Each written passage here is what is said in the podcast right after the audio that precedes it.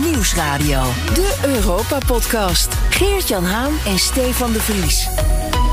Servus, hallo daar, grüß Gott. Welkom bij BNR Europa, het programma van Nederland over Europese zaken met blikken gericht op Brussel en naar ver daarbuiten. Mijn naam is Geert-Jan Haan, net terug uit Wenen waar ik een paar dagen bivakkeerde in het hart van Europa. Met de trein ben ik gegaan, ongetwijfeld tot grote jaloezie leidend van collega Eurocommissaris Stefan de Vries.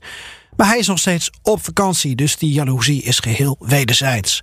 Gelukkig heb ik wederom een uitstekende gesprekspartner gevonden.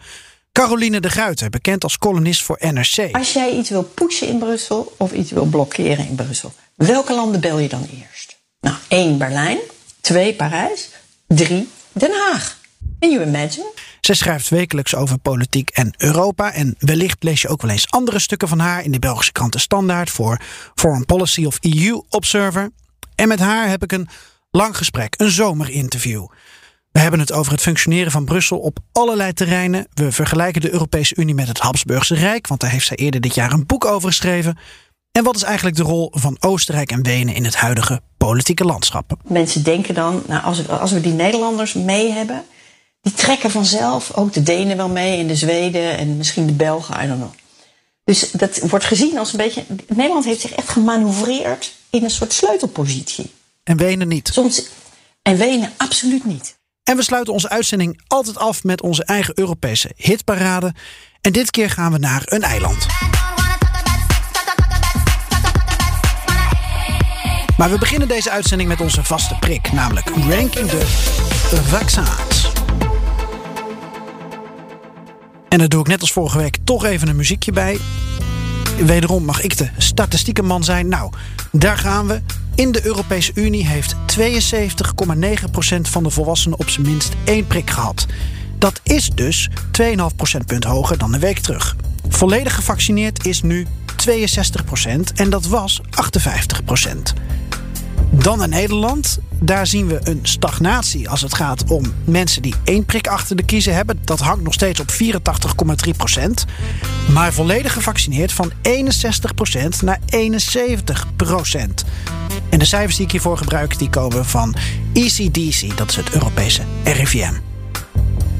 Dan het vaccinnieuws van deze week. Vorige week liet ik je deze quote van Clement Boon horen faut regarder tout ça de manière rationnelle, ne pas se faire avoir, évidemment, mais avoir des contrats plus exigeants et avoir des contrats plus exigeants avec des produits adaptés aux variants, probablement oui. Pas seulement pour l'Union européenne, pour tous les acheteurs, ce sera un peu plus cher. En hier zei deze Franse staatssecretaris van Europese Zaken dat het logisch was dat Pfizer en Moderna de vaccinprijzen per shot verhogen. Want ze moeten aangepast worden aan een nieuwe mogelijke variant. Maar nu lees ik deze week bij Politico een interview met de Chief Medical Officer van BioNTech. En zij geeft aan dat op basis van de laatste resultaten het huidige vaccin prima werkt tegen de beta-variant of de delta-variant. Robuust, geneutraliseerd, etc. En zij zegt dus dat die derde prik die wij nu zouden kunnen krijgen, waar de Europese Unie nu in ieder geval in investeert, dat die dus niet per se een andere cocktail zal zijn dan de eerste prik of de tweede prik. Het is in principe hetzelfde goedje dat wij in ons lichaam krijgen gespoten. Wat is dan de nuance waar Boon waarschijnlijk iets wat onhandig wel op doelt, dat is dat er mogelijk wel nieuwe varianten komen, mutaties van de Delta-variant. En dat dus hiermee Pfizer, Moderna en dus ook BioNTech geld op de plank hebben liggen om ervoor te zorgen dat die varianten ook eventueel dan kunnen worden tegengegaan en dat dat vaccin dus kan worden doorontwikkeld. En tot zover het Europese vaccinnieuws van deze week. Wordt de macht van de Europese Unie nou overschat of onderschat? En de invloed van Brussel op ons leven. Als je kijkt naar de Europese Unie, dan staat deze voor polderen, voor wikken en wegen, voor consensus. Er worden coalities aangegaan, allianties. En toch is er altijd, of juist daardoor, gemopper, gemekker, gezanik en gezeur. Caroline de Gruiter schreef er een boek over. Beter wordt het niet. Reis door het Habsburgse Rijk en de Europese Unie. Twee grootmachten die ze met elkaar vergeleken. De huidige EU koppelt ze terug aan dat grote Centraal-Europese Rijk dat ruim 100 jaar terug vrij abrupt uiteenviel. Ze schrijft ook wekelijks over Europese zaken in NRC. Daar heeft ze een column en je kent haar wellicht ook van haar stukken voor de Standaard, Foreign Policy en EU Observer. En zij is de komende vijf kwartier mijn gast. Dag Caroline. Vanuit Oslo. Vanuit Oslo. Maar naar ik heb begrepen, niet voor lang meer, want je gaat een nieuwe standplaats krijgen. Ja, ik ga weer terug naar Brussel. Na acht jaar. Dus vier jaar Wenen, vier jaar Oslo. En uh, dus nu heb ik wel weer genoeg in de periferie gezeten. En buiten gaat zelfs, buiten de EU natuurlijk. Wat ook altijd leuke inkijkjes geeft en inzichten. Dus nu ga ik weer helemaal terug naar de, naar de Brusselse bubbel. Waar ja, toch eh, na acht jaar weer, weer andere debatten zijn. Voor een, deel, voor een deel ook natuurlijk wel weer dezelfde, over migratie en zo. En de euro gaan we ook weer krijgen. Maar um, ja, het is leuk, weer terug naar Brussel. En hoe lang heb jij in Brussel gewoond? In totaal heb ik tien jaar in Brussel gewoond. Dus eerst uh, toen we nog met twaalf landen waren, dus rond het jaar 2000. Uh, en er nog allemaal geen crisissen waren. En Europa nog heel klein en aangeharkt en overzichtelijk en technisch was. Mm -hmm. Uh, en toen heb ik een tijdje in Genève gezeten, vier jaar. En in 2008 ben ik teruggekomen.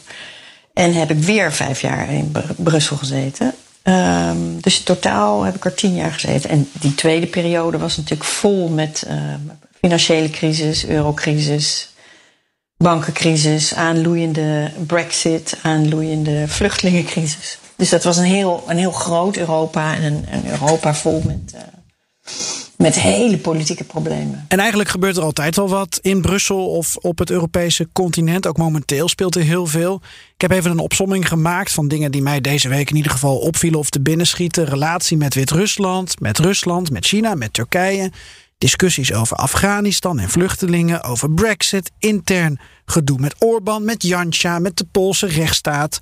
Schuldenlasten wel of niet delen, de Green Deal.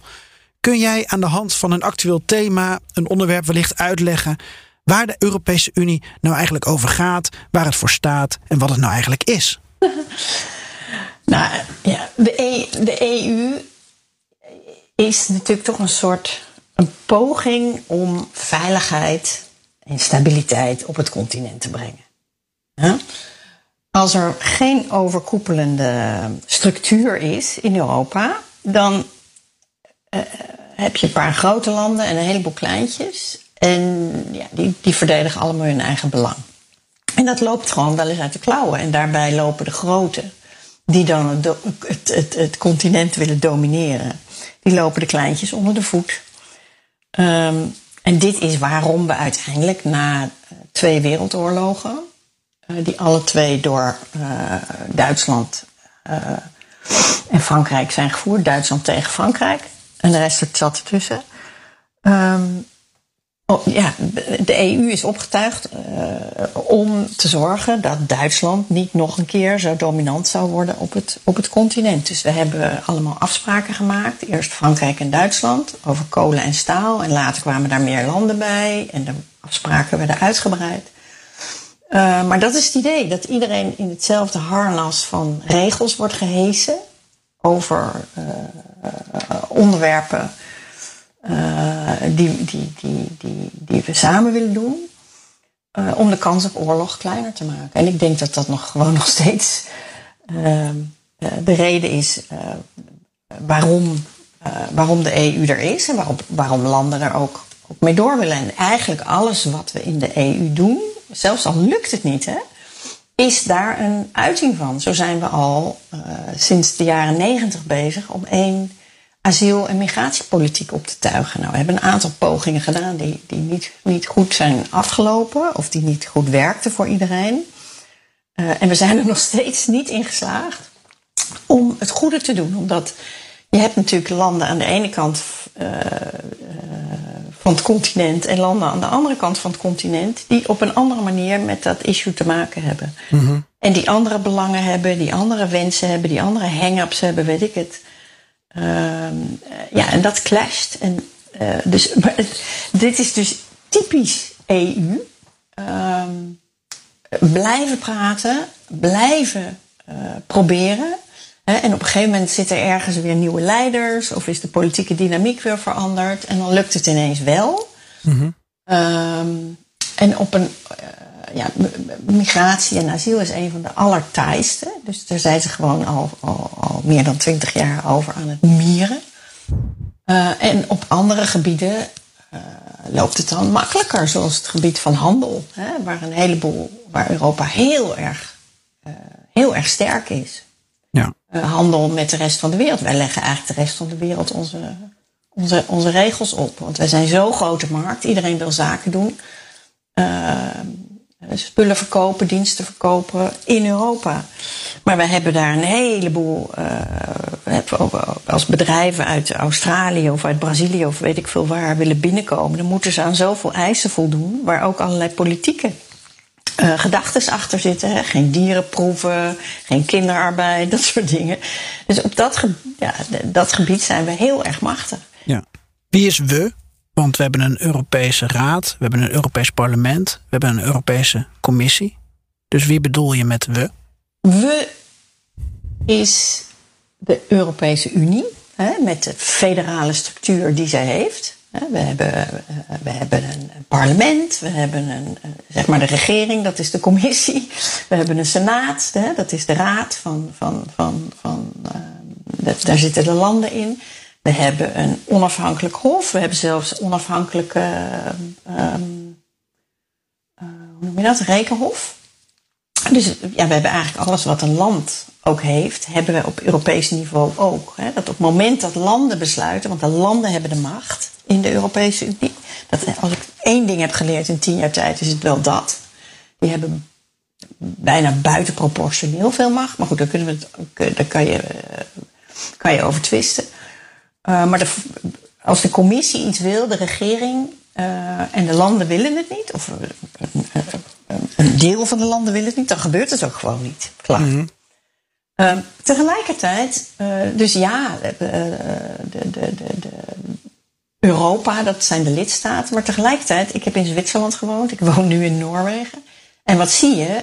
die landen die schurken heel erg dicht tegen ons aan. Die willen geen lid worden. Er is ook totaal geen draagvlak voor. Dus dat moeten we denk ik ook helemaal niet willen. Dat zou niet goed aflopen. Um, maar uh, dat is echt nog geen 20 procent. Hè? Maar ze willen wel eigenlijk, ja, ze willen toegang tot de markt.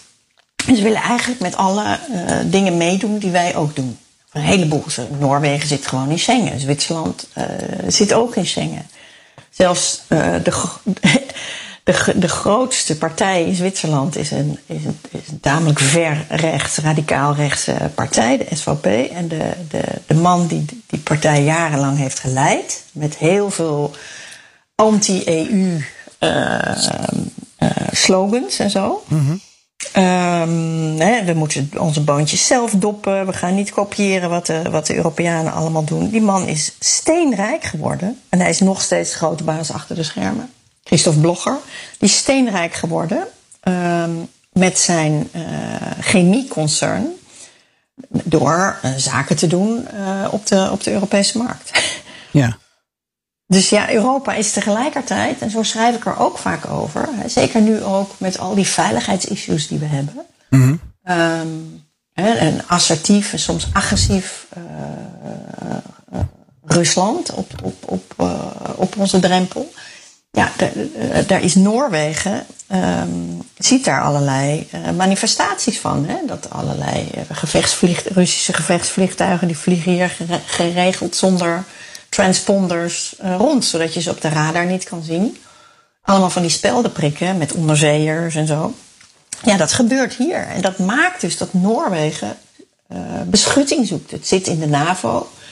Um, maar het kruipt dus heel dicht, ook op het gebied van Europese defensie, um, tegen, tegen de Europese Unie aan. Even nog naar die rolverdeling. Want Brussel wordt gezien door sommigen als een bureaucratisch moloch.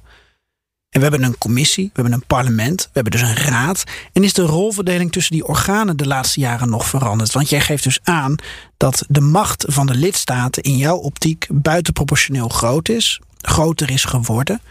Hoe moeten we dit zien? Hoe moeten we dit schetsen? Um, ik, kijk, wat er is gebeurd de afgelopen jaren, is dat de, Europa zich eigenlijk steeds meer is gaan bezighouden met onderwerpen die politiek gevoelig liggen. Ehm, en daardoor hebben de lidstaten, die sowieso alle beslissingen nemen in Brussel, ehm, die zit, zijn daar nog veel meer bovenop gaan zitten. Dat is eigenlijk wat er gebeurd is. En dan met name ook heel veel van die dingen, dat noemen ze dan, die zijn chefzaggen geworden. Eh, eh, zo, de, de, de euro, vroeger ver- vergaderden alleen de ministers daarover. Nou, nu zijn het dus ook de regeringsleiders. Die moeten dan wel goed gebriefd worden, want die, dat zijn meestal generalisten. Ehm, maar sommige ijzers die zijn zo, eh, zo heet werkelijk. Heb je daar een voorbeeld van? Dat zij, dat zij zich daar zelf mee bemoeien. Vroeger kwamen de regeringsleiders zelden bijeen. Hè. Dat gebeurde twee keer per jaar eh, in het land dat het voorzitterschap had. Het is voor ieder land is, is, is, is een half jaar voorzitter en dan komt er weer een ander. Nou, en die organiseerde dan in, in, in een mooi stadje ergens aan het water of in de bergen, weet ik het. Eh, nodigde dan zijn collega's uit. En die, en die praten dan over een paar onderwerpen. eh, bijna bij het haardvuur. Ja, dat zijn hele frequente vergaderingen geworden. Soms wel elke maand, soms meerdere keren per maand.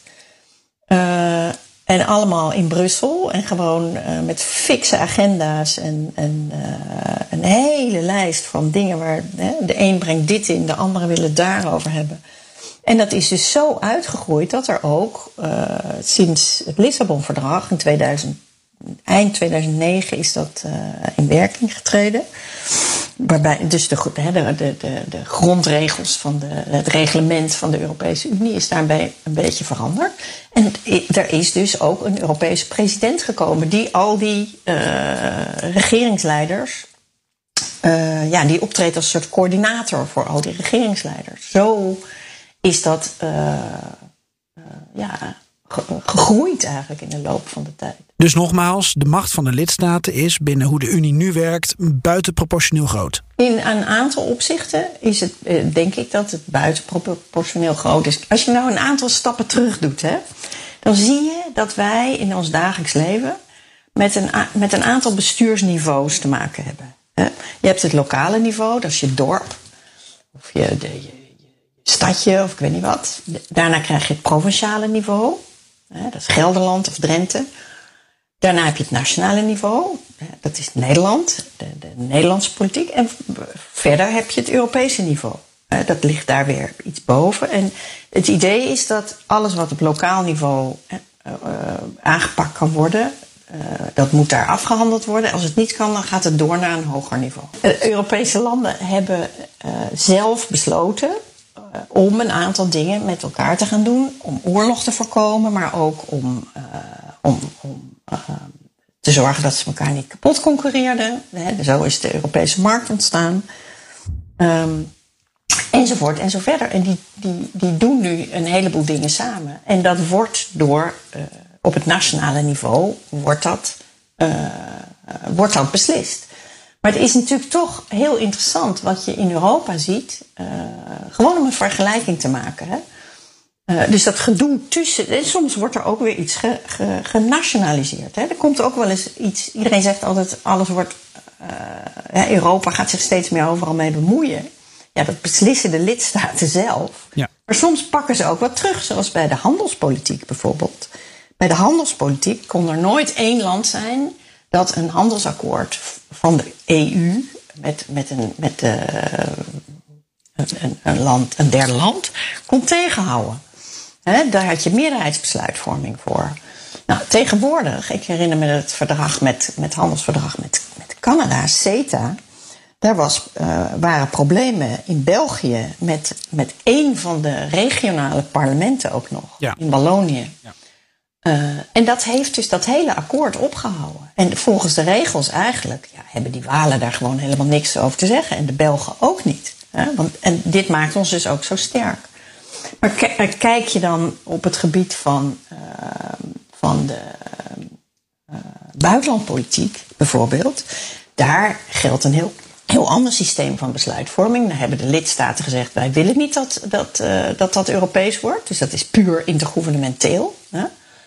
Eh, en daar zie je dus dat één land. eh, ik herinner me de sancties tegen, tegen Belarus. Wit-Rusland. Ik weet nooit hoe we dat moeten noemen. Mag allebei. Uh, mag allebei, ook weer gelukkig. Goed, de, de, een jaar geleden werd er druk gesteggeld over sancties tegen, tegen Wit-Rusland.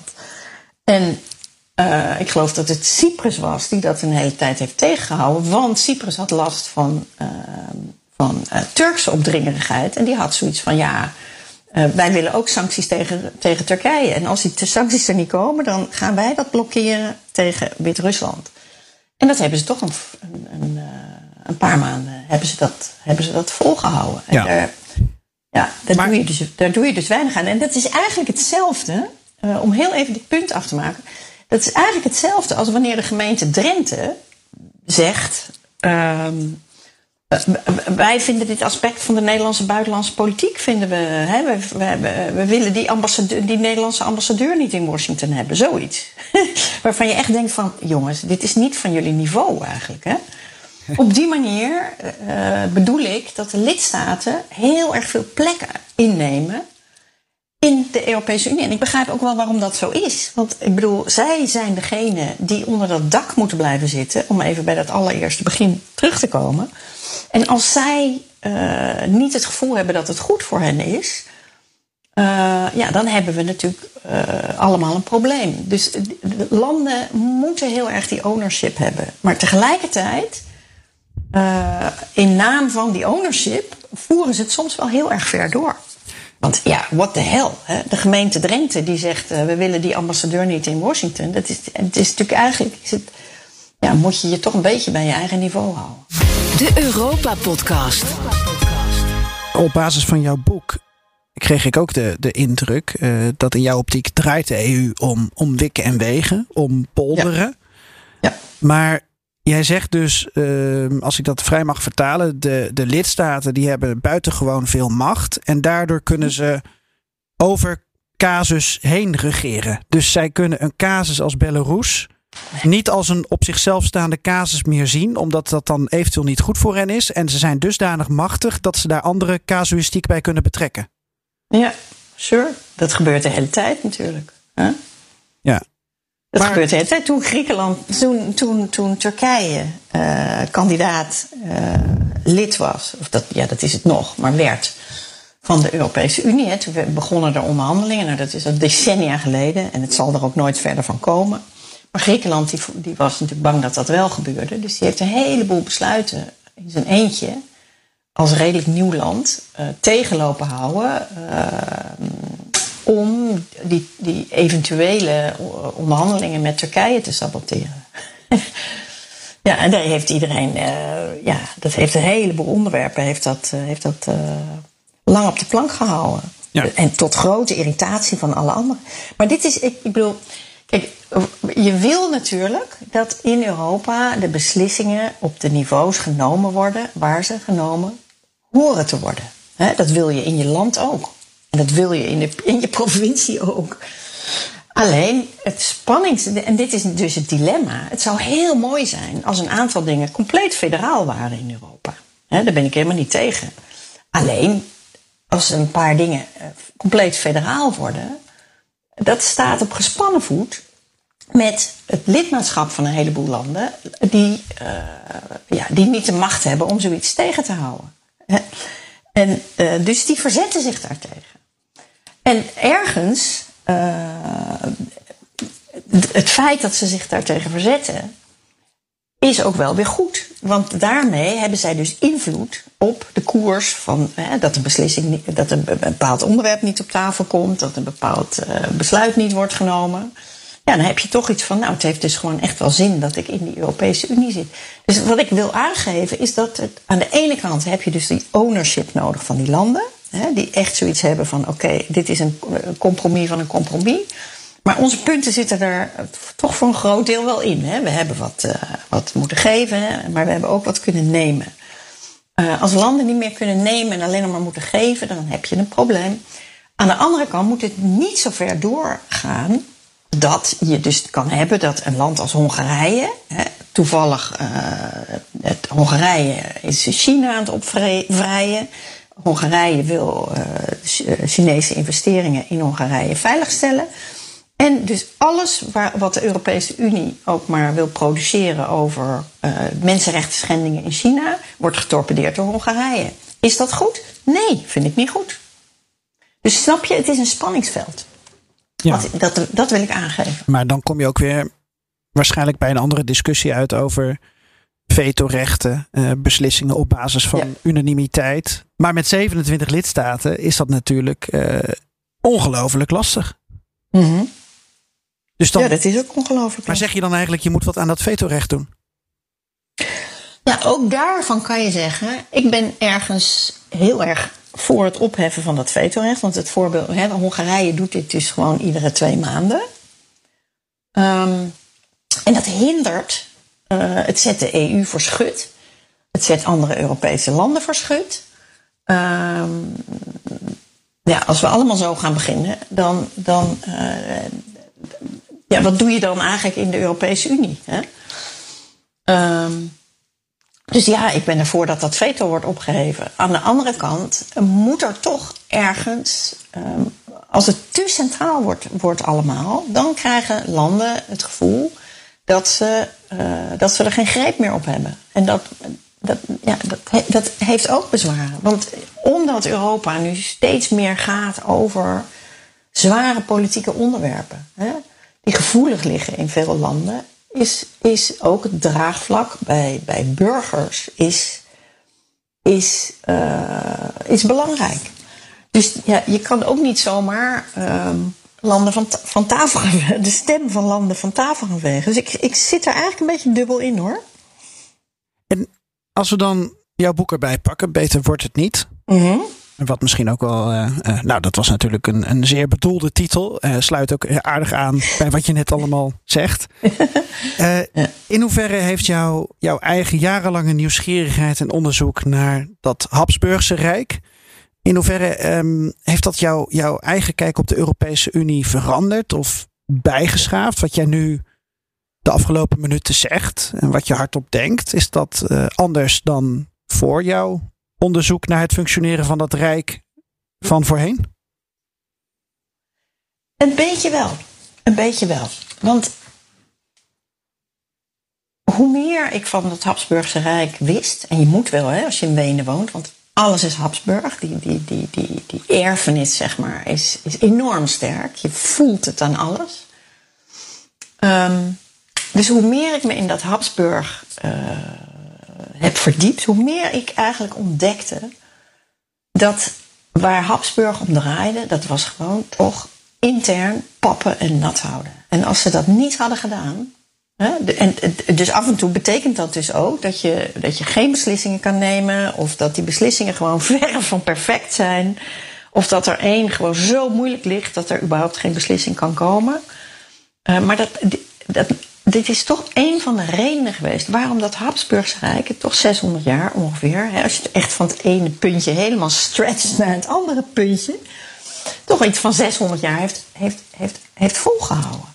Met uh, een aantal verschillende naties en, en, en, en, taalgroepen onder één dak, die, die allemaal iets anders wilden. En als de een wat kreeg, dan zat de ander weer boven in de gordijnen en dan begon het gesodemieten met die ander. En die, die keizers in Wenen, die waren, hè, dat waren andere tijden, en, maar die, die, dat waren, die waren dus heel anders dan zeg maar de, de Russische tsaar of de, de Franse koning of, uh, of die van Pruisen dat, dat, of de sultan. Um, die, omdat hun, hun land, het was een staat natuurlijk, hè, wat de EU niet is, Habsburg. Maar omdat dat land was, uh, ja, was uit allemaal kleine stukjes. Die ook allemaal weer loyaliteiten hadden over die buitengrenzen heen. Uh, uh, dus al die stukjes zaten er eigenlijk ook in omdat ze erin wilden zitten. Hè? Hoe hard ze ook altijd liepen te klagen dat er dingen, niet goed liepen of dat de dingen hun kant niet opkwamen. Dus die keizers, uh, absolute monarchen, die, die, die moesten zorgen voor die, voor die ordinaties, die moesten luisteren naar die taalgroepen. En die moesten gewoon altijd opletten dat iedereen wel genoeg kreeg. Dus als er een verschrikkelijk moeilijk ging doen, wat bijvoorbeeld de Hongaren, Notor, dat is heel interessant, want die doen dat nu weer, of nog, in de Europese Unie. Als die Hongaren weer eens op hun achterste benen stonden en, en, en, en dingen dwarsboomden of dingen eisten voor zichzelf, um, dan werd daar toch naar geluisterd. Ook al was de rest verschrikkelijk geïrriteerd, dan werd daar toch naar geluisterd. En dan probeerden ze het eruit te masseren, op de lange baan te schoppen. Zullen we het er volgend jaar nog eens over hebben? Uh, ze, ze, zochten pleisters, ze zochten. Nou goed, je, alle metaforen die je kan bedenken, die hebben ze daar wel uh, toegepast. En iedereen liep daar dus altijd te klagen in dat Habsburg. Dat de dingen zo traag liepen en dat het allemaal, alle beslissingen, als er dan eindelijk beslissingen waren, nou ja, die, hadden, die waren gedrochten eigenlijk. Hè? Die verdienden geen schoonheidsprijs. Mm -hmm. Nou, toen ik dat allemaal las, en mensen daarover hoorden. En, en het is een proces van jaren geweest. Toen dacht ik, ja, dit is eigenlijk gewoon precies wat wij ook in de Europese Unie aan het doen zijn. We hebben geen, geen Europees leger zoals de Habsburgers. We zijn geen staat zoals de Habsburgers. Maar wat die Habsburgers ook deden, ze hadden één munt. Het was één uh, interne markt. Um, dus ze, ze, ze, en daar golden regels voor, die voor iedereen uh, werden toegepast. Dus het was een bureaucratie. Er waren onafhankelijke rechtbanken, die er nu trouwens nog zijn. Mm -hmm. um, de, de, ja, er, er, was een enorme. Uh, het is een van de eerste echte bureaucratieën in Europa geweest. Wat betekent, ja, dat staat ook voor een soort van min of meer fair en niet zo gepolitiseerd uh, bestuur. Hè? Waarbij het dus niet zozeer uitmaakte of je een of oorspronkelijke Hongaar was, of een, of een, een, een, boheem, of een Kroaat of zoiets dergelijks. Nee, jullie waren, je, was allemaal min of meer gelijk voor de wet. Ik bedoel, dat was niet heel absoluut zoals het nu is, maar het kwam meer dan in welke uh, deel van Europa ook kwam dat toen al heel erg in dat Habsburgse Rijk uh, tot uitdrukking. Ja. Dus door die parallellen ben ik toch ook wel gaan zien dat ja, we moeten altijd uh, zorgen in Europa, proberen ernaar, ernaar te streven dat, dat we efficiënter worden. Hè? En dat onze besluiten helderder worden en simpeler te begrijpen en simpeler uit te voeren ook. Um, maar tegelijkertijd heb je, als je dat te veel te veel federaal maakt, um, ja, dan heb je het probleem dat je, dat, dat je niet meer goed kan pappen en nat houden. En dat, eh, daar kan je politiek wel eens een hele hoge prijs voor gaan betalen. Dus ja. ja, ik denk dat ik in dat opzicht, ik wil niet zeggen minder federaal ben gaan denken, maar ik heb meer begrip gekregen, denk ik, voor, die, voor dat krachtenspel, uh, waarbij de krachten van twee kanten komen. Aan de ene kant de Europese efficiëntie. En ook nu steeds belangrijker op buitenlands politiek gebied bijvoorbeeld. Met één stem spreken. Wat denken die Chinezen wel? Of wat denken die Russen wel? Um, of wat denken die terroristen wel? Soms moeten we dat gewoon beter kunnen doen en sneller kunnen doen dan vroeger. Dus die, en dat is echt heel erg belangrijk in een vijandige omgeving waarin we nu langzamerhand steeds meer komen. Uh, dus er is een noodzaak tot streamlining en, en krachtiger, eenduidiger, collectieve besluiten. En aan de andere kant die ownership. En dat is iets uh, wat ik altijd heb geweten, maar wat mij toch door, door Habsburg en dat doormodderen daar, is me dat toch duidelijker geworden, denk ik. Ja. ja. Even in het kader van de, de crash course uh, Habsburgse verrijking, noem ik het even. Uh, als je kijkt, een mooi kaartje uh, op een van de eerste pagina's van jouw boek, Het Habsburgse Rijk rond 1900. Dan behelst dat uh, Oostenrijk, Tsjechië, uh, Oekraïne, Slowakije, Hongarije, Slovenië, Kroatië, Bosnië-Herzegovina, Roemenië, maar ook stukken van Servië, van Italië, van Duitsland, van Polen. er werden ongelooflijk veel talen gesproken. Misschien wel, ik denk, als ik het goed uitreken, ik, ik denk wel zo'n tien talen die nu ook als officiële talen in de Europese Unie zitten. Ah, ja, ja. ja. Ja, ik kan niet alle Balkantalen er officieel bij rekenen. Oekraïens natuurlijk niet. Maar uh, ja, dat, het, het, het, het was eigenlijk een halve Europese Unie als je dat zo bekijkt. Maar dat is precies mijn punt de hele tijd. Ja. Het is eigenlijk, hè, het is, eh, ja, ze hadden één koning en, en dat, dat was allemaal wat anders geregeld. Maar eigenlijk deed die, die, eh, die, die koning of de keizer, eh, eh, ja, die deed eigenlijk hetzelfde als de, als de, bestuurders, als de bestuurders in Brussel. Ja. Maar Want het, is- hoge, het, het, het Habsburgse Rijk was ook een dak boven het hoofd van een heleboel volkeren. En dat is natuurlijk gewoon de grote gelijkenis. Hè? Ja. Je beschermt de kleintje, je houdt de grote een beetje in toom. Hè? Zodat ze elkaar niet weer naar de strot vliegen. Ja. En je beschermt de kleintjes. Door hen eh, eh, hun stem ook mee te laten klinken. Want als je die bescherming niet hebt, dan luistert niemand naar de kleintjes.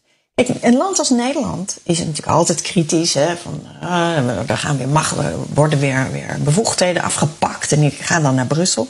Ten eerste doen we dat natuurlijk zelf. Ehm, maar ten tweede is dat natuurlijk vaak ook heel erg goed. Want anders, als dat, als dat niet zou gebeuren, eh, dan zouden eh, de grote, de kleine landen eh, aan de kant duwen, zoals ze altijd in de geschiedenis hebben gedaan. Ehm, en zelf alle beslissingen nemen. En die beslissen dan wat goed is voor ons. ja. Het is dezelfde, hetzelfde idee eigenlijk. BNR Nieuwsradio. De Europa-podcast. Geert-Jan Haan en Stefan de Vries.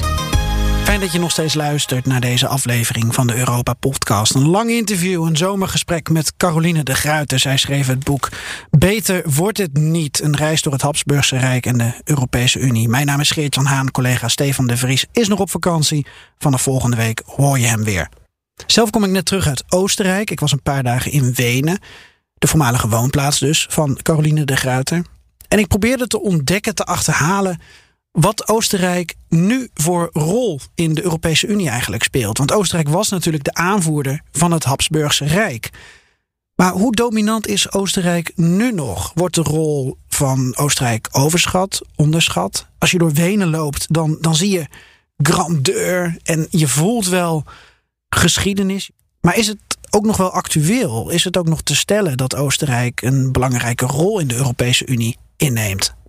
Ik kon er moeilijk de vinger achter krijgen. En ik vroeg het dus aan Caroline de Guiten. Dit is een hele leuke vraag. Want aan de ene kant is Oostenrijk in Europa heel belangrijk, omdat het een land is tussen Oost en West. Hè?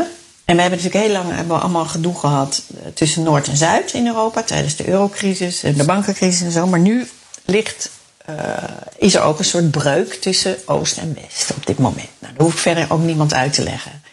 En Oostenrijk zit er natuurlijk middenin. Ehm, Oostenrijk als geen ander land, als geen ander, kan Oost-Europa begrijpen. Waarom? Vanwege het Habsburgse Rijk. Je, komt, je gaat naar de tandarts in Wenen en die begint te vertellen oh, dat zijn grootouders uit Hongarije kwamen en daar allerlei eh, land hadden, weet ik veel.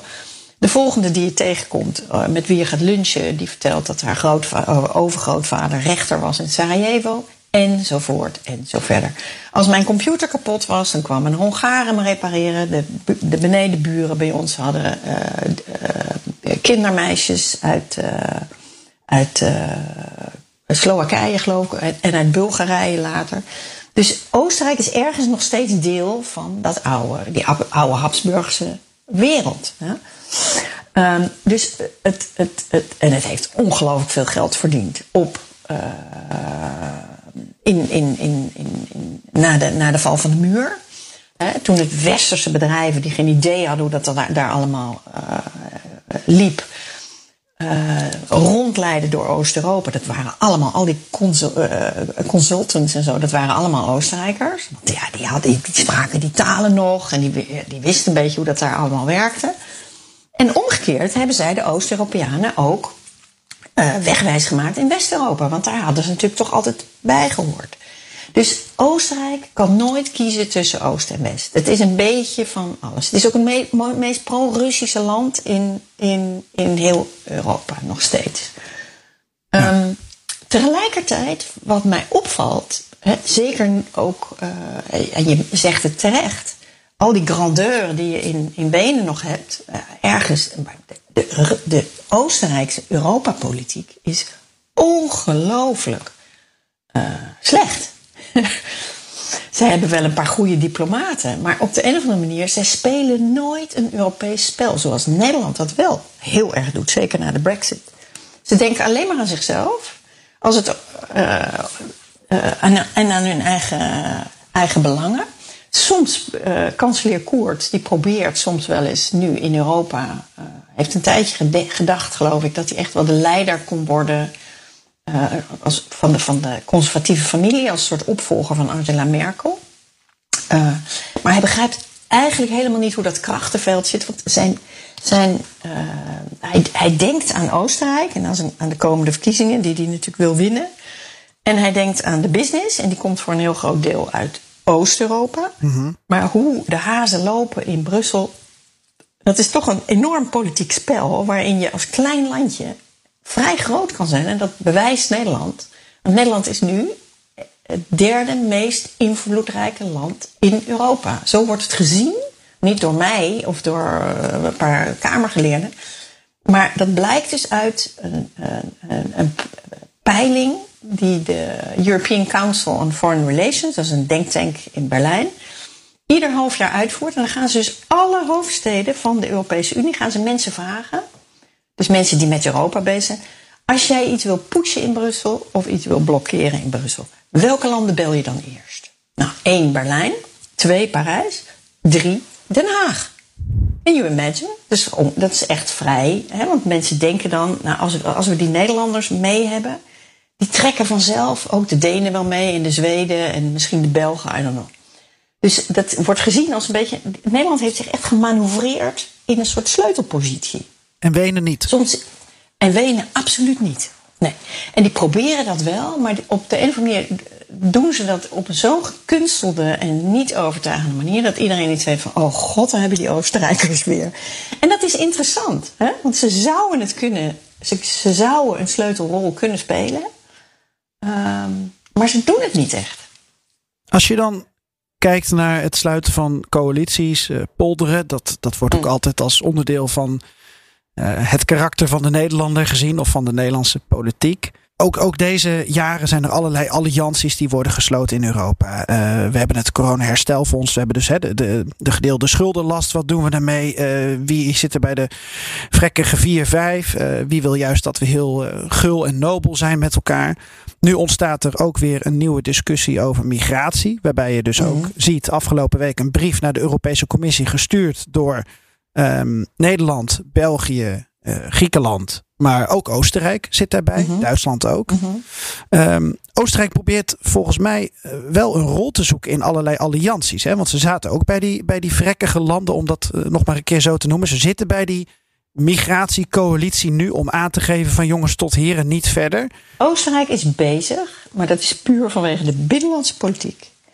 Oostenrijk is bezig om steeds vaker nee te zeggen in Europa. Maar dat is niet hetzelfde als, als, als, een, als een slim, uh, slimme Europapolitiek voeren. En, en, dat doet Nederland. Nederland is, staat natuurlijk ook bekend uh, tot, tot in de treuren in sommige landen als een, als een, een nee-zeggend land op het gebied van de financiën. Hè.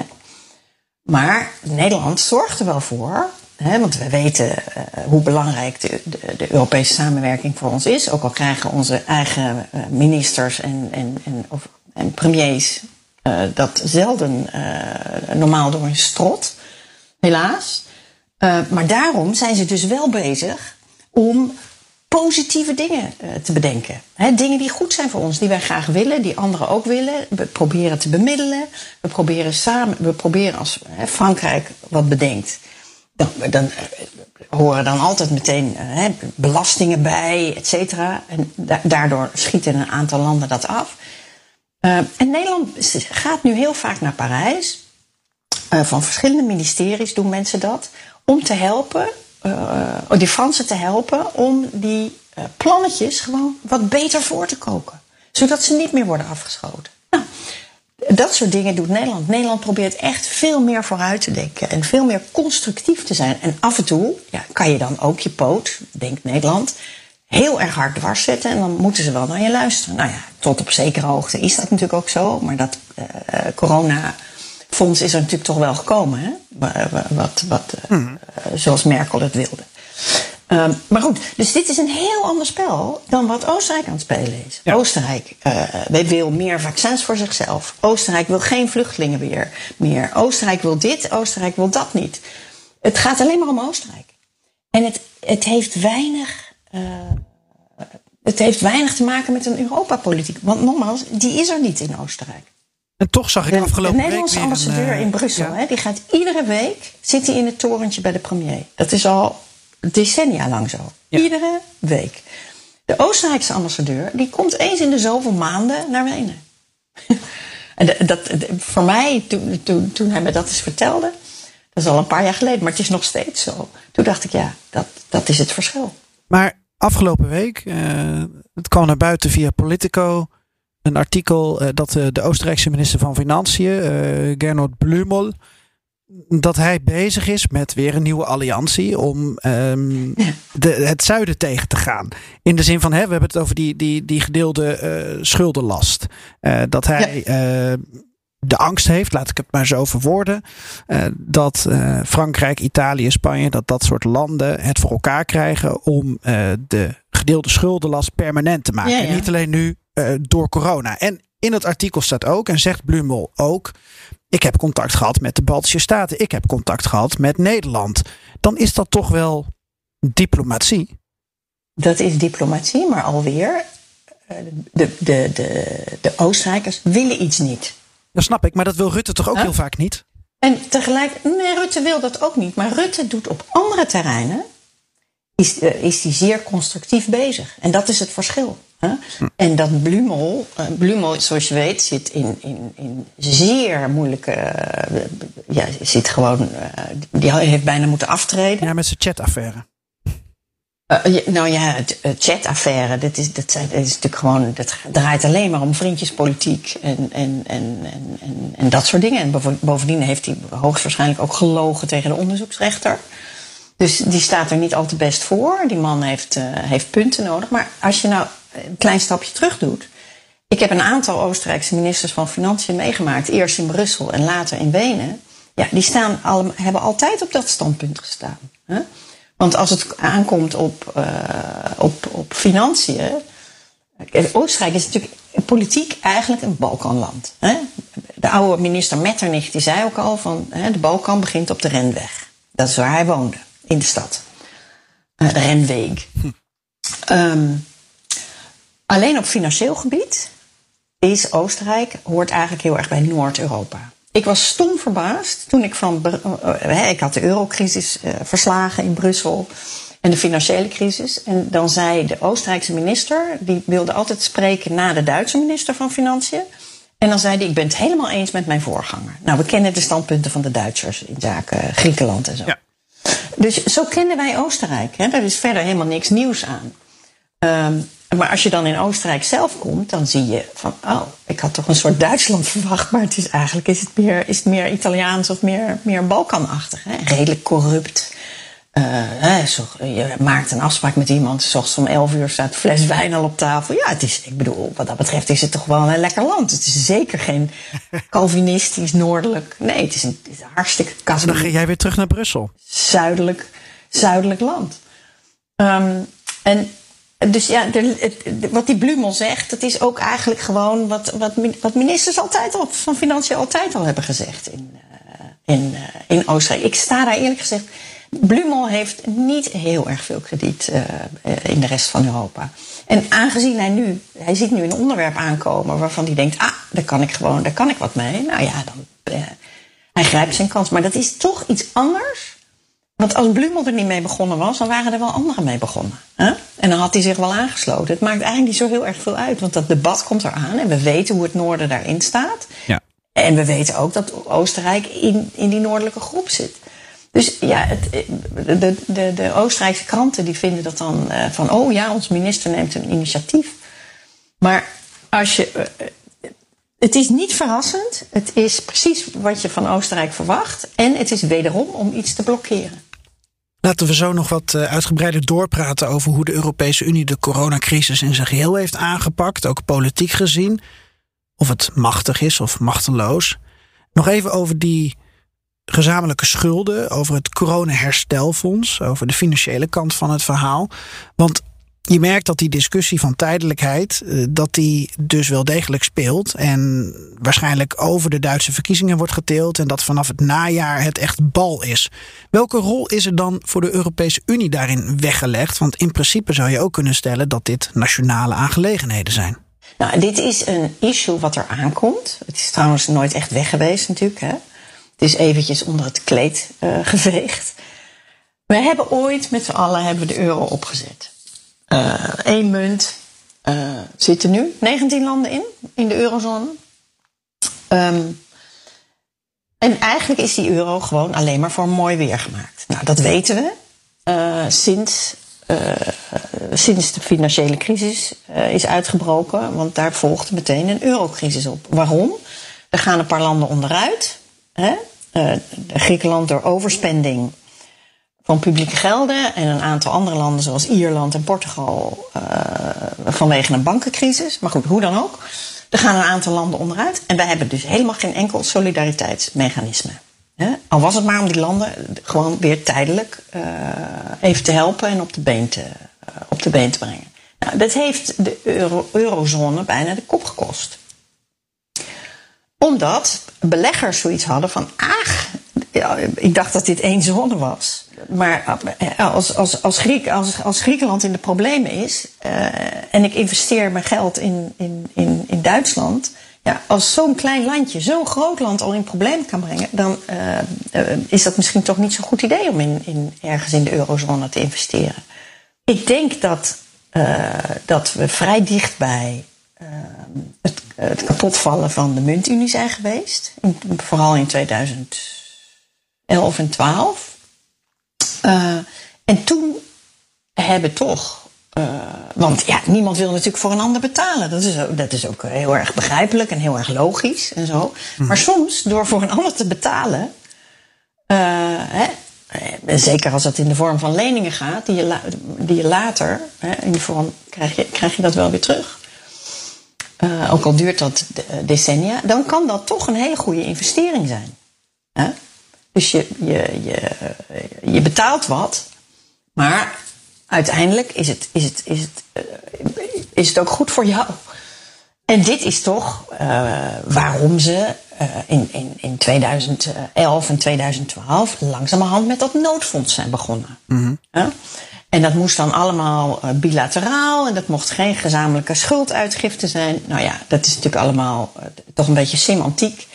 De Europese Unie is al jaren bezig met gezamenlijke schulduitgifte. Toen Hongarije tijdens de bankencrisis uh, onderuit ging, uh, of bijna onderuit ging, hebben wij gewoon allemaal gezegd, de commissie, um,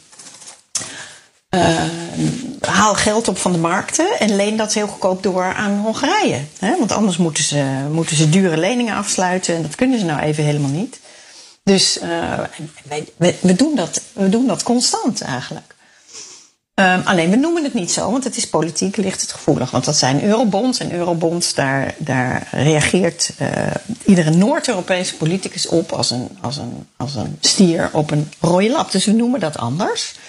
Uh, maar in feite is dat natuurlijk wel wat we, wat we, wat we doen. Wij, we zijn. We, dus we hebben een beter vangnet gebouwd. Maar je ziet ook, Griekenland doet het financieel redelijk goed op het moment. Die hebben al hun schulden terugbetaald. Dus ook dat verhaal van dat krijgen we toch allemaal nooit terug. Dat tot nu toe, in ieder geval, je weet niet wat er morgen gebeurt. Maar tot nu toe uh, is dat allemaal ook niet waar gebleken. Griekenland doet het redelijk goed. Ierland doet het redelijk goed. Uh, dus het, het, werkt en het is uiteindelijk ook goed voor ons. Want al die nare uh, voorpagina verhalen over dat de EU niet voor zichzelf kan zorgen en dat de munt in gevaar is. Herinner je iedere dag die grote koppen in, in, in, in, alle kranten van de hele wereld. Ja, wij willen natuurlijk, we, willen dat, we willen het goed doen. Nou, nu doen we het goed. 40% van alle transacties in de hele wereld gaat nu via de euro. En dat is maar goed ook, want de euro is ook uh, steeds meer, en dat beseffen mensen nog te weinig, steeds meer een buitenlands politiek instrument, een geopolitiek instrument. Uh, de, de Amerikanen uh, straffen Europese bedrijven via hun dollar. Die zaken doen, compleet legaal zaken doen met Iran. Uh, en daar zijn wij kwetsbaar voor, omdat de, de, de, de, de dollar dominant is. Nou goed, als we de euro sterker maken, dan hebben we daar hopelijk hebben we net iets meer vrijheid om onze eigen buitenlandpolitiek te voeren. En dan zijn we ietsje onafhankelijker van Amerika. Lijkt mij een hele erg goede zaak. Dus ik denk dat die schuldenkwestie, ja, die gaat weer spelen. Er zijn een aantal landen die hebben verschrikkelijk veel uitgegeven, extra uitgegeven, ook geld dat ze nauwelijks hadden, tijdens de, de, de coronacrisis. Ik ik denk niet dat dit het komende jaar al echt een heikel politiek probleem gaat worden. Het loeit, maar het loeit aan en het zal op een dag, hopelijk een beetje in slow motion, uh, zullen we gewoon toch daar een besluit over moeten nemen. Maar ik denk niet dat we dat alleen maar moeten zien als iets van wij betalen voor, uh, voor het zuiden. Uh, want je ziet, als het, als het goed gaat met het zuiden, het gaat nu goed met Italië, het gaat goed met, uh, met Griekenland, dan is dat ook goed voor ons. En dan doet de euro het ook beter. En dat straalt uiteindelijk op ons af. Over... Lang antwoord, maar ik kan nog een uur doorgaan hoor, als je wil. Nou, je noemde Italië. Uh, dan kunnen we nog een, een ander punt aanstippen. want volgens mij deze maand, anderhalf jaar terug, zat ik in ieder geval voor de tv te kijken naar ziekenhuizen in Bergamo. Met camerabeelden die heel indrukwekkend waren. Er ging een virus tekeer in Italië. Een virus dat was overgekomen uit China. En waar je in Nederland best wel lang het gevoel had van... dat steekt de Alpen niet over. dat komt hier niet. wij keken naar de tv. we vinden het erg wat we zien in Italië. Maar we voelen het niet. We voelen niet dat wij ook een coronavirus gaan krijgen. En het kwam dus wel. En ik was eigenlijk nog benieuwd als we die koppeling met de hele coronacrisis kunnen maken. Met dit als startpunt. Hè? Eerst Italië. Uh, daarna binnen enkele weken door heel Europa een virus dat alles plat legt.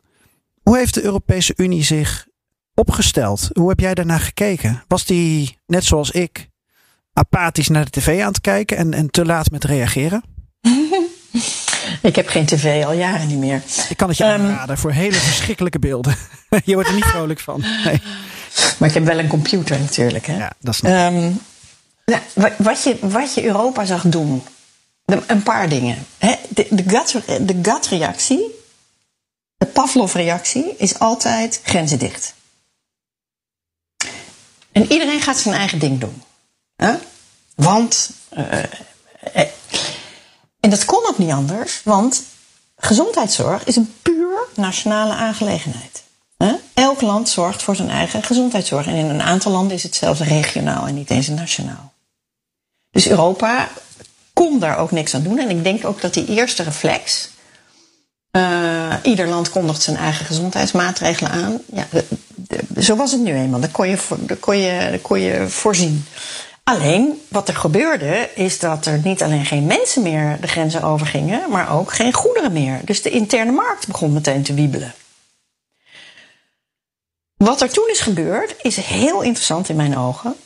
Uh, ik woon in Noorwegen, wat voor een groot deel meedoet op de, op de interne markt en wat ook in Schengen zit. Dus Noorwegen speelde mee in dit hele verhaal. Tijdens die hele crisis, zelfs in die, in die, in die, tijdens die hele zware lockdowns in het begin, wij hadden gewoon koekjes uit Spanje. We hadden, uh, wat was het? Uh, bosbessen uit Polen. Um, al dat soort dingen kwam hier gewoon binnen, net als anders. Waarom? Omdat een, op, in, in Europese hoofdsteden schrok iedereen zich helemaal kapot. Want ja, je kan wel je eigen gezondheidspolitiek uh, gaan voeren. Hè? En, en, en, en iedereen binnenhouden en, enzovoort. Maar daarmee maak je dus iets kapot wat niemand kapot wil maken, namelijk de interne markt.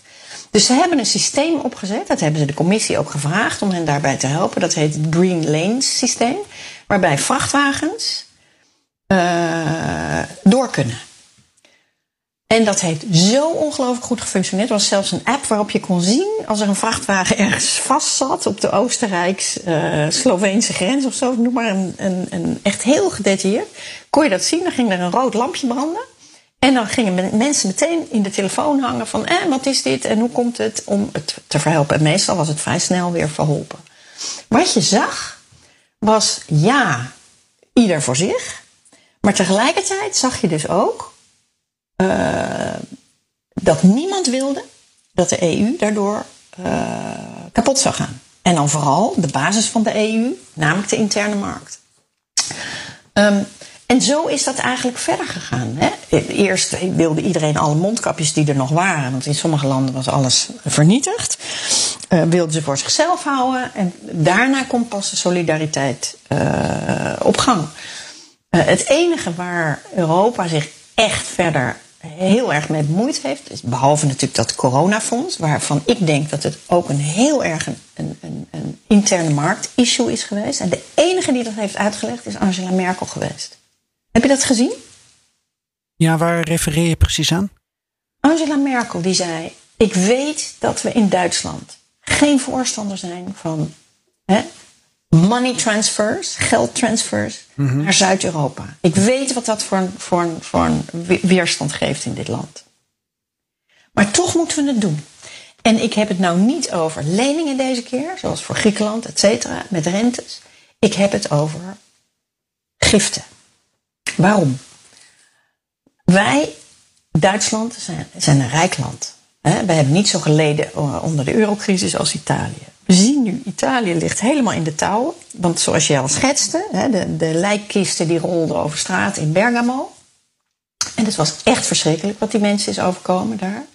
Dit was wel de rijkste regio van Europa, of één van de rijkste regio's van Europa. Italië is verzwakt uit de eurocrisis gekomen. Het heeft hen heel veel geld gekost. Uh, die kunnen heel weinig uitgeven, omdat ze bang zijn dat het weer begint. Dus de, de staat geeft bijna niks uit. Dus de staat kan bedrijven die zwaar worden geraakt door corona niet bijstaan. Niet zoals wij dat in Duitsland doen, hè? waar uh, nog nooit zo weinig faillissementen zijn geweest. Wij kunnen heel genereus zijn. Maar dat geeft dus die Duitse bedrijven een enorme voorsprong op de Europese markt. Huh? Want zij, zij kunnen veel goedkoper werken, ze kunnen sneller draaien, ze, ze, ze gaan minder snel failliet. Maar dat is toch oneerlijk? Zo kan de Europese markt toch niet functioneren? Dus wij moeten Italië helpen om, hè, laten ze hun eigen gezondheidsproblemen maar oplossen. We sturen wel dokters en, en, en mobiele ziekenhuizen en ik weet niet wat allemaal. Maar dit, deze fundamentele ongelijkheid op de Europese markt is dodelijk voor de Europese markt. Dus wij moeten Italië geld geven. Ik heb niemand anders dit zo helder horen uitleggen als Angela Merkel. En de Duitsers hebben dat ook gesteund. Ja. Meer dan 60% van de Duitsers, nadat ze dit hadden gehoord, en ze heeft dat echt heel zorgvuldig uitgelegd, heeft gezegd: ja, dit is iets anders. Dit is overmacht. Dit is niet omdat Italië hè, zijn banken uit de wind houdt die maar wat doen. Of het is niet zoals Griekenland, dat veel te veel uh, overheidsgeld over de balk heeft gegooid. Nee, dit is overmacht. Ja. Dit had ook in het Roergebied kunnen, kunnen gebeuren. En zo is het, denk ik. Dit was niet de schuld van Italië. Het had niks te maken met uh, slechte financiële huishouding. Nou, dus daar hebben we wat gedaan. En het, het, het, voor de rest hebben we het natuurlijk allemaal. En dat doen we nog. Ik bedoel, ik, uh, als je door Europa wil reizen, dan word je natuurlijk helemaal knetter van al die verschillende regeltjes. En die worden iedere week weer aangepast en zo. Het lijkt natuurlijk helemaal nergens op. Nou, Europa gaat daar verder niet over. Probeert dat te coördineren, maar landen doen dat toch allemaal liever zelf. En dan krijg je dus uh, deze lappendeken. Het enige waar Europa, denk ik, heel goed, aanvankelijk heel slecht, maar nu heel goed uh, aan gewerkt heeft, is de aankoop van vaccins. Ja. Um, want dat kan je als klein landje, als, als de hele wereld uh, elkaar weg elleboogt uh, om vaccins, dan sta je als klein landje achteraan. Uh, of dan moet je nare trucs gebruiken die je eigenlijk niet wil. Dus hebben landen, hebben de Europese Commissie gevraagd van doen jullie het nou voor ons? Nou, daar hebben ze natuurlijk met hun vingers bovenop gezeten. Maar uiteindelijk, met z'n allen, kom je dus makkelijker bij die farmaceuten binnen en kan je groot, in het groot, kan je vaccins aankopen. Ja, met... Het idee was dat wij allemaal rijk of arm, groot of klein, Noord-Europa, Zuid-Europa, op hetzelfde moment met vaccineren konden beginnen. En ook min of, en voor hetzelfde geld. Hè, niet dat de een er niks voor betaalt en de ander heel erg veel. Uh, van een gelijke kwaliteit, zodat we gelijk op kunnen lopen. Ook omdat dat ons in staat stelt om langzamerhand onze grenzen weer te openen en de interne markt niet al te veel te hinderen. Ja, uh, als ik één opmerking tussendoor mag maken, Caroline, met tien verstanden, hè, die, die uh, vaccin, politieke diplomatie noem ik het even. we zagen naar buiten toen natuurlijk Ursula von der Leyen.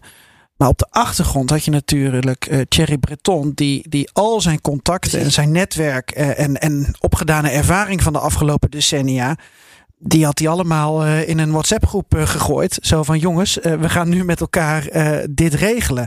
Ik denk dat Breton met al zijn ervaring ook in het zakenleven heel erg snel daarachter is gekomen wat het probleem was in Europa. Namelijk dat Europa geen industriepolitiek heeft. Hè? Dus wij produceerden hier op allerlei locaties in de Europese Unie produceerden wij vaccins. Maar dat is, gebeurt dus niet in één land. Hè? Want het ene stukje komt uit, uh, nou, ik noem maar wat, komt uit Slowakije en het andere komt uit België. En vervolgens moeten de flesjes uit Brazilië komen. Die worden, het zootje wordt gebotteld in, uh, in Amerika. We hebben echt geen, we hadden geen idee voor deze crisis hoe internationaal dat wel niet was. En er was ook geen toezicht op. Hè? Want de, wat heeft Europa daar nou mee te maken? Dit zijn bedrijven, die, die kunnen dat zelf allemaal wel. Dus wij produceerden vrij veel uh, vaccins. Um, alleen, die verlieten dus de hele tijd de Europese Unie. En aangezien alle andere landen om ons heen, maar de, vooral Groot-Brittannië en, en uh, de Verenigde Staten, exportrestricties uh, hadden. Al die dingen die moesten worden gebotteld ergens in, in, in, in, in, Amerika, die bleven daar. En die konden dus niet uh, naar de afnemers in Europa komen. En dit was dus het grote probleem. De Britten deden hetzelfde. Terwijl Europa geen uitvoerrestricties had. Dus wat wij maakten, uh, kon ons niet bereiken, maar het kon anderen wel bereiken. En daar heeft Breton, die heeft eerst een grote, uh, grote, uh, grote plattegrond laten maken. Precies waar wordt, het, waar wordt wat geproduceerd? Ja. En, en, en waar, waar, waar, waar, naartoe vertrekt het ook? Hè? En, dus, en, en precies die vertrekpunten, die heeft hij. Uh, bijvoorbeeld, ik, ik, ik, herinner me dat voorbeeld van dat bottelproces in Amerika. Nou, hij heeft een of andere producent gevonden, of zijn mensen, heeft hij opdracht gegeven om die te vinden. Van vind een andere flesjesproducent. Hè? En ze vonden er een, ik geloof in Duitsland, die normaal uh, vaccins maakt tegen dengue-koorts. Nou, dat is wat minder acuut op het moment, zou je denken. Dus ze hebben dat bedrijf benaderd vanuit Brussel. En ze hebben gezegd: God, kunnen jullie niet uh, voor ons flesjes gaan maken? Nou, hebben ze gedaan, was geen enkel probleem. Probleem opgelost. En op die manier hebben ze dus Europa minder kwetsbaar gemaakt. Zodat de, vaccins die wij zelf produceren voor onszelf, dat we die ook kunnen gebruiken. En vanaf dat moment hebben wij allemaal. Als het is heel leuk, er zijn wat landen die gaan wat harder. En er zijn landen die gaan minder hard. Om allerlei redenen.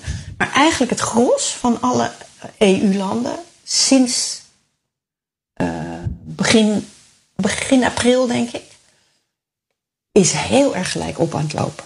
We, we, we, lopen redelijk synchroon met die, met die vaccinatie. Ja. De manier waarop het gebeurt, doet ieder land natuurlijk zelf. Hè?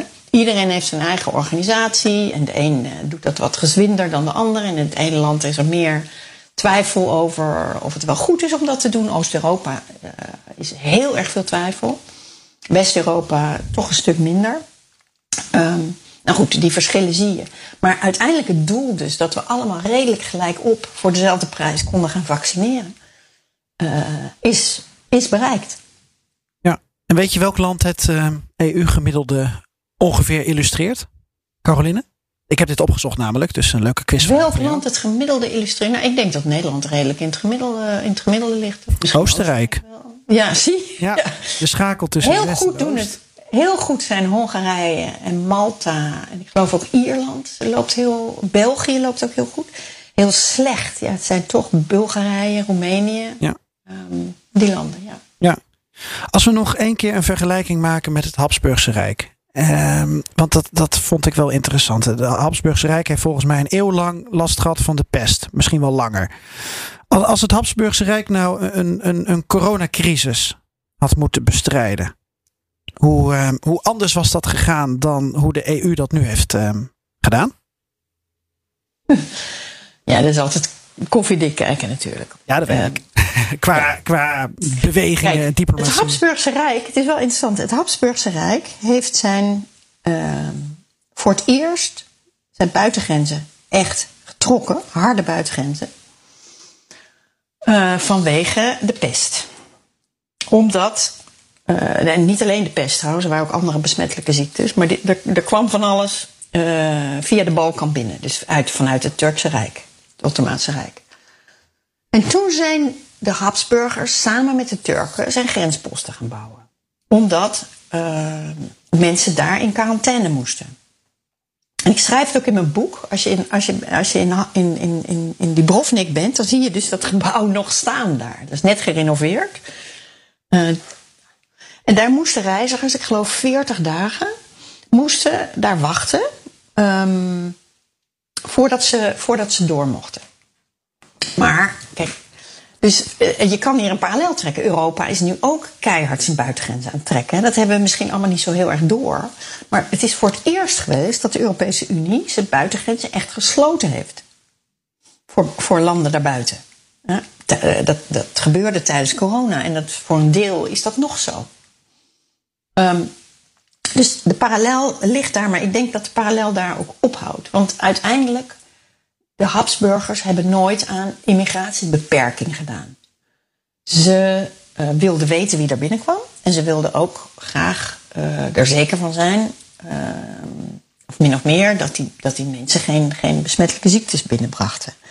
Maar je mocht dan, als je dan eenmaal uit quarantaine kwam, dan mocht je ook niet eindeloos rond blijven hangen in dat grensgebied. Dan moest je gewoon, als je naar Wenen wilde of naar Salzburg of naar naar Praag of zo, dan moest je ook maar gewoon meteen doorgaan. Ook dat. Um, maar je, je mocht door. Of je nou een, een, een Ottomaan was, een, een, een, uh, of, of, waar dan ook vandaan kwam. Dus die, die, die enorme, uh, ja, toch wel angst ook voor uh, mensen van buiten Europa. Hè, dat die, dat die dat die zich hier willen vestigen, die wij nu hebben. Dat is toch echt een angst. Hè? Uh, nu zijn we heel erg bang voor dat al die Afghanen naar Europa zullen, gaan, zullen komen. Dus dan krijg je, dan gaan landen weer mensen geruststellen door te zeggen: nee hoor, we blijven ze terugsturen.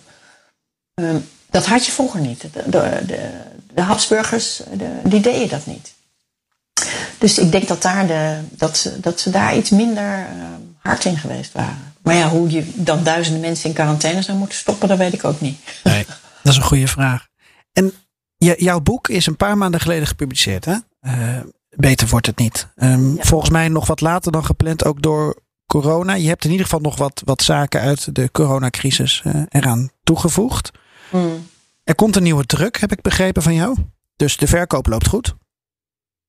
Er zijn er nu meer dan 20.000 verkocht. En er komt een Duitse vertaling, dat is ook leuk. Kijk, als, als jij nu nog aanpassingen zou mogen doen of aanvullingen aan jouw boek.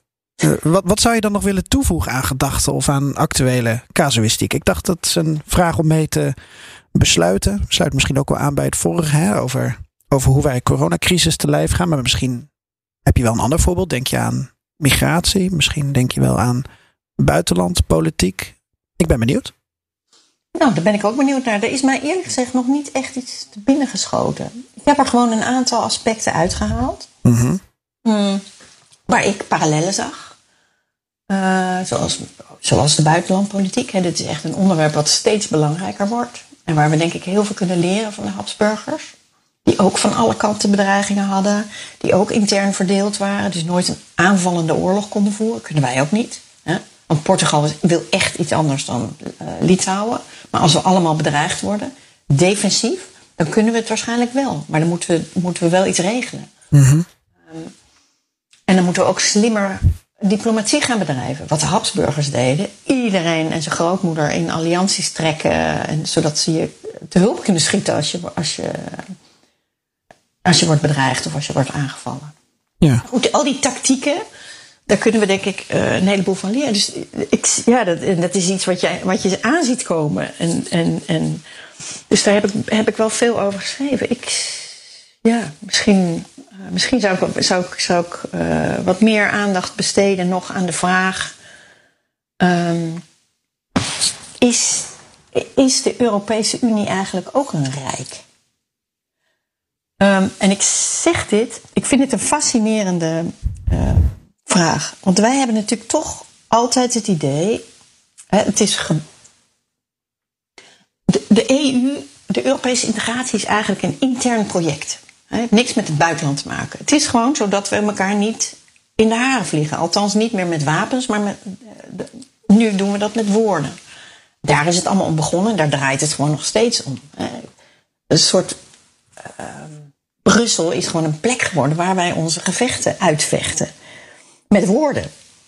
Um, dus het is intern, het heeft niks met het, met het buitenland te maken. Maar tegelijkertijd zijn we zo sterk geworden, ook economisch, um, door dat te doen in de afgelopen decennia. Wat, dat, dat wat je ziet, en ik maak dat dus zelf geregeld mee als ik, als ik, als ik in Zwitserland woon of in Noorwegen woon. Um, wij worden zo sterk. Wij zijn eigenlijk een beetje een soort moloch, net als, de, als, als het Habsburgse Rijk was. Of misschien tsaristisch Rusland.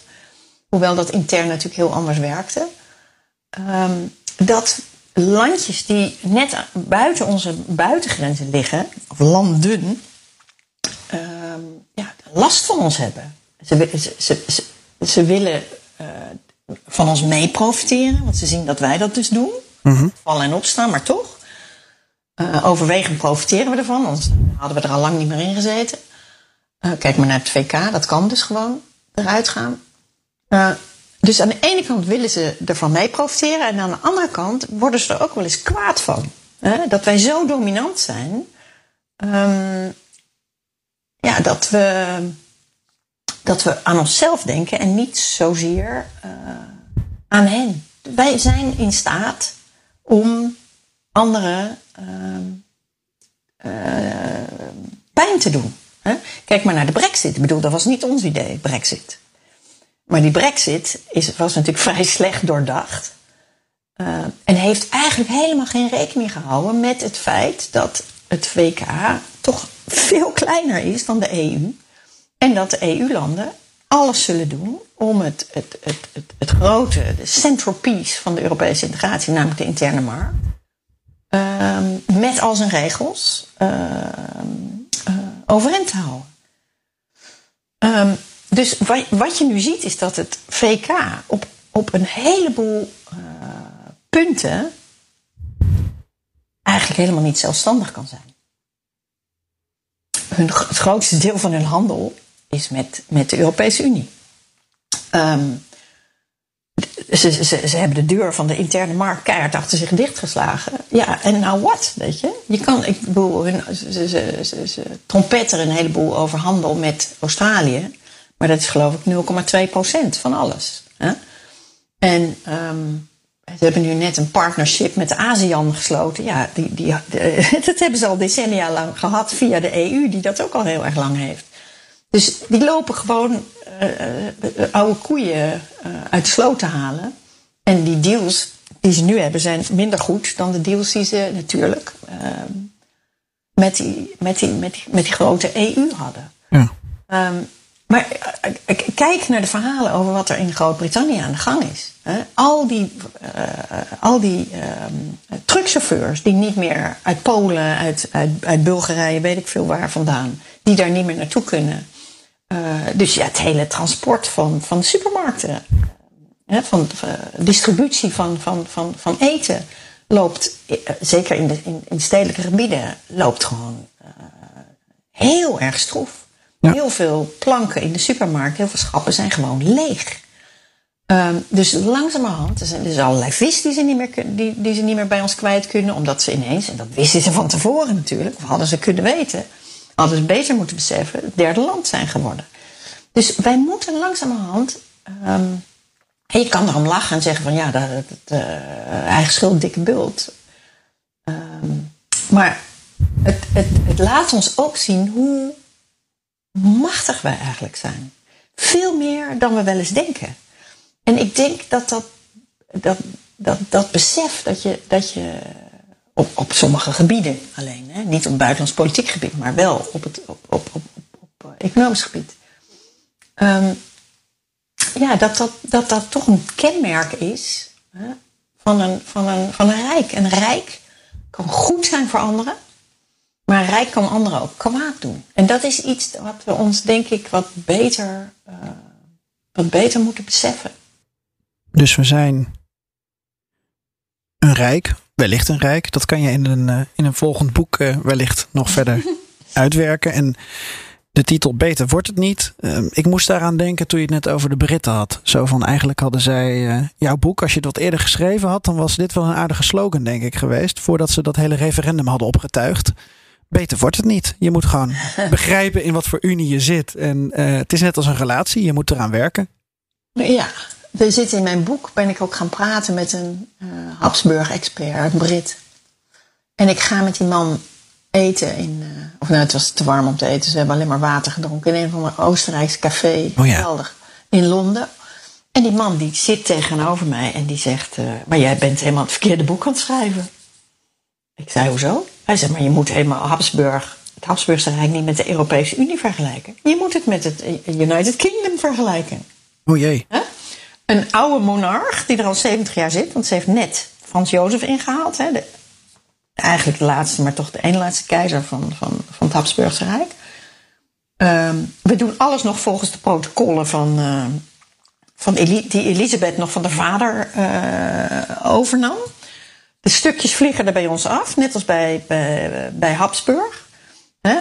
Um, uh, Schotland zit erover te denken om eruit te gaan. We hebben problemen in Noord-Ierland en in Wales. En straks, straks spat een heleboel in stukjes uiteen, net als het Habsburgse Rijk uiteen is gespat. De Europese Unie, zei hij, die blijft voortmodderend nog een hele tijd bestaan. Maar uiteindelijk, de lessen van Habsburg zijn ook de lessen voor het Verenigd Koninkrijk. Ja. Hoofdstuk 5 vanaf pagina 92. Als mensen daar meer over willen weten. Hoe jij op een snikhete dag in juli in Londen Café Fishers binnenging. Café Fishers, ja. ja. Dankjewel uh, voor uh, je boek. Beter wordt het niet. Een reis door het Habsburgse Rijk en de Europese Unie. En heel erg bedankt uh, voor het gesprek. Caroline de Gruit, succes met de verhuizing. Dankjewel. Terug naar Brussel. En uh, succes met uh, alle andere artikelen en columns en opiniestukken die je schrijft. Onder andere voor NRC, voor de Standaard en Foreign Policy. Ja, ik doe het met heel veel plezier. Okay. Het, is, het is altijd boeiend om het... en het verandert altijd. Hè. Dat, is het, dat is het interessante. Het is nooit... Iedere keer als ik weer een hele tijd niet in Brussel ben geweest en ik kom er weer terug, dan, dan valt me op hoe. De, de basis blijft hetzelfde. Maar ja, het, de, EU verandert mee met zijn tijd. Als de wereld verandert, moet de EU ook veranderen. Het is een soort spons eigenlijk. Dus ja, de EU die we nu hebben, is niet meer de EU die we tien jaar geleden hadden of twintig jaar geleden. De nummer 1 in. En zoals iedere aflevering besluiten we met wat Europese hoogcultuur, de meest beluisterde muziek in een van de lidstaten. Iedere week tarten we letterlijk onze oren op zoek naar de Europese hit. En deze week kwamen we uit in Ierland.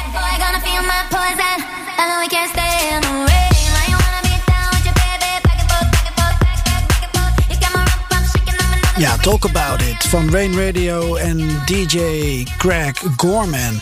Een Ierse DJ die samenwerkt met een onbekend collectief. Een collectief met onbekende DJ's. En dit nummer is dan weer een soort variant op een uh, ander nummer dat je wellicht kent van Nelly Furtado. Dat was uh, Big Hoops. Bigger the Better. En ja, dit nummer is dus in Ierland naar nummer 1 doorgestoten. En zou dit dan het nummer zijn dat um, Habits van Ed Sheeran door heel Europa van de troon gaat stoten. Het zou zomaar kunnen. En wil je dit nummer nou langer horen? Al deze pareltjes van Eurotrash vind je terug in onze playlist op Spotify. Even zoeken op BNR Europa nummer 1. En de link staat ook in de show notes. Dank voor het luisteren. Volgende week is Dea Volente, Stefan de Vries weer hier naast mij in de studio. À la prochaine.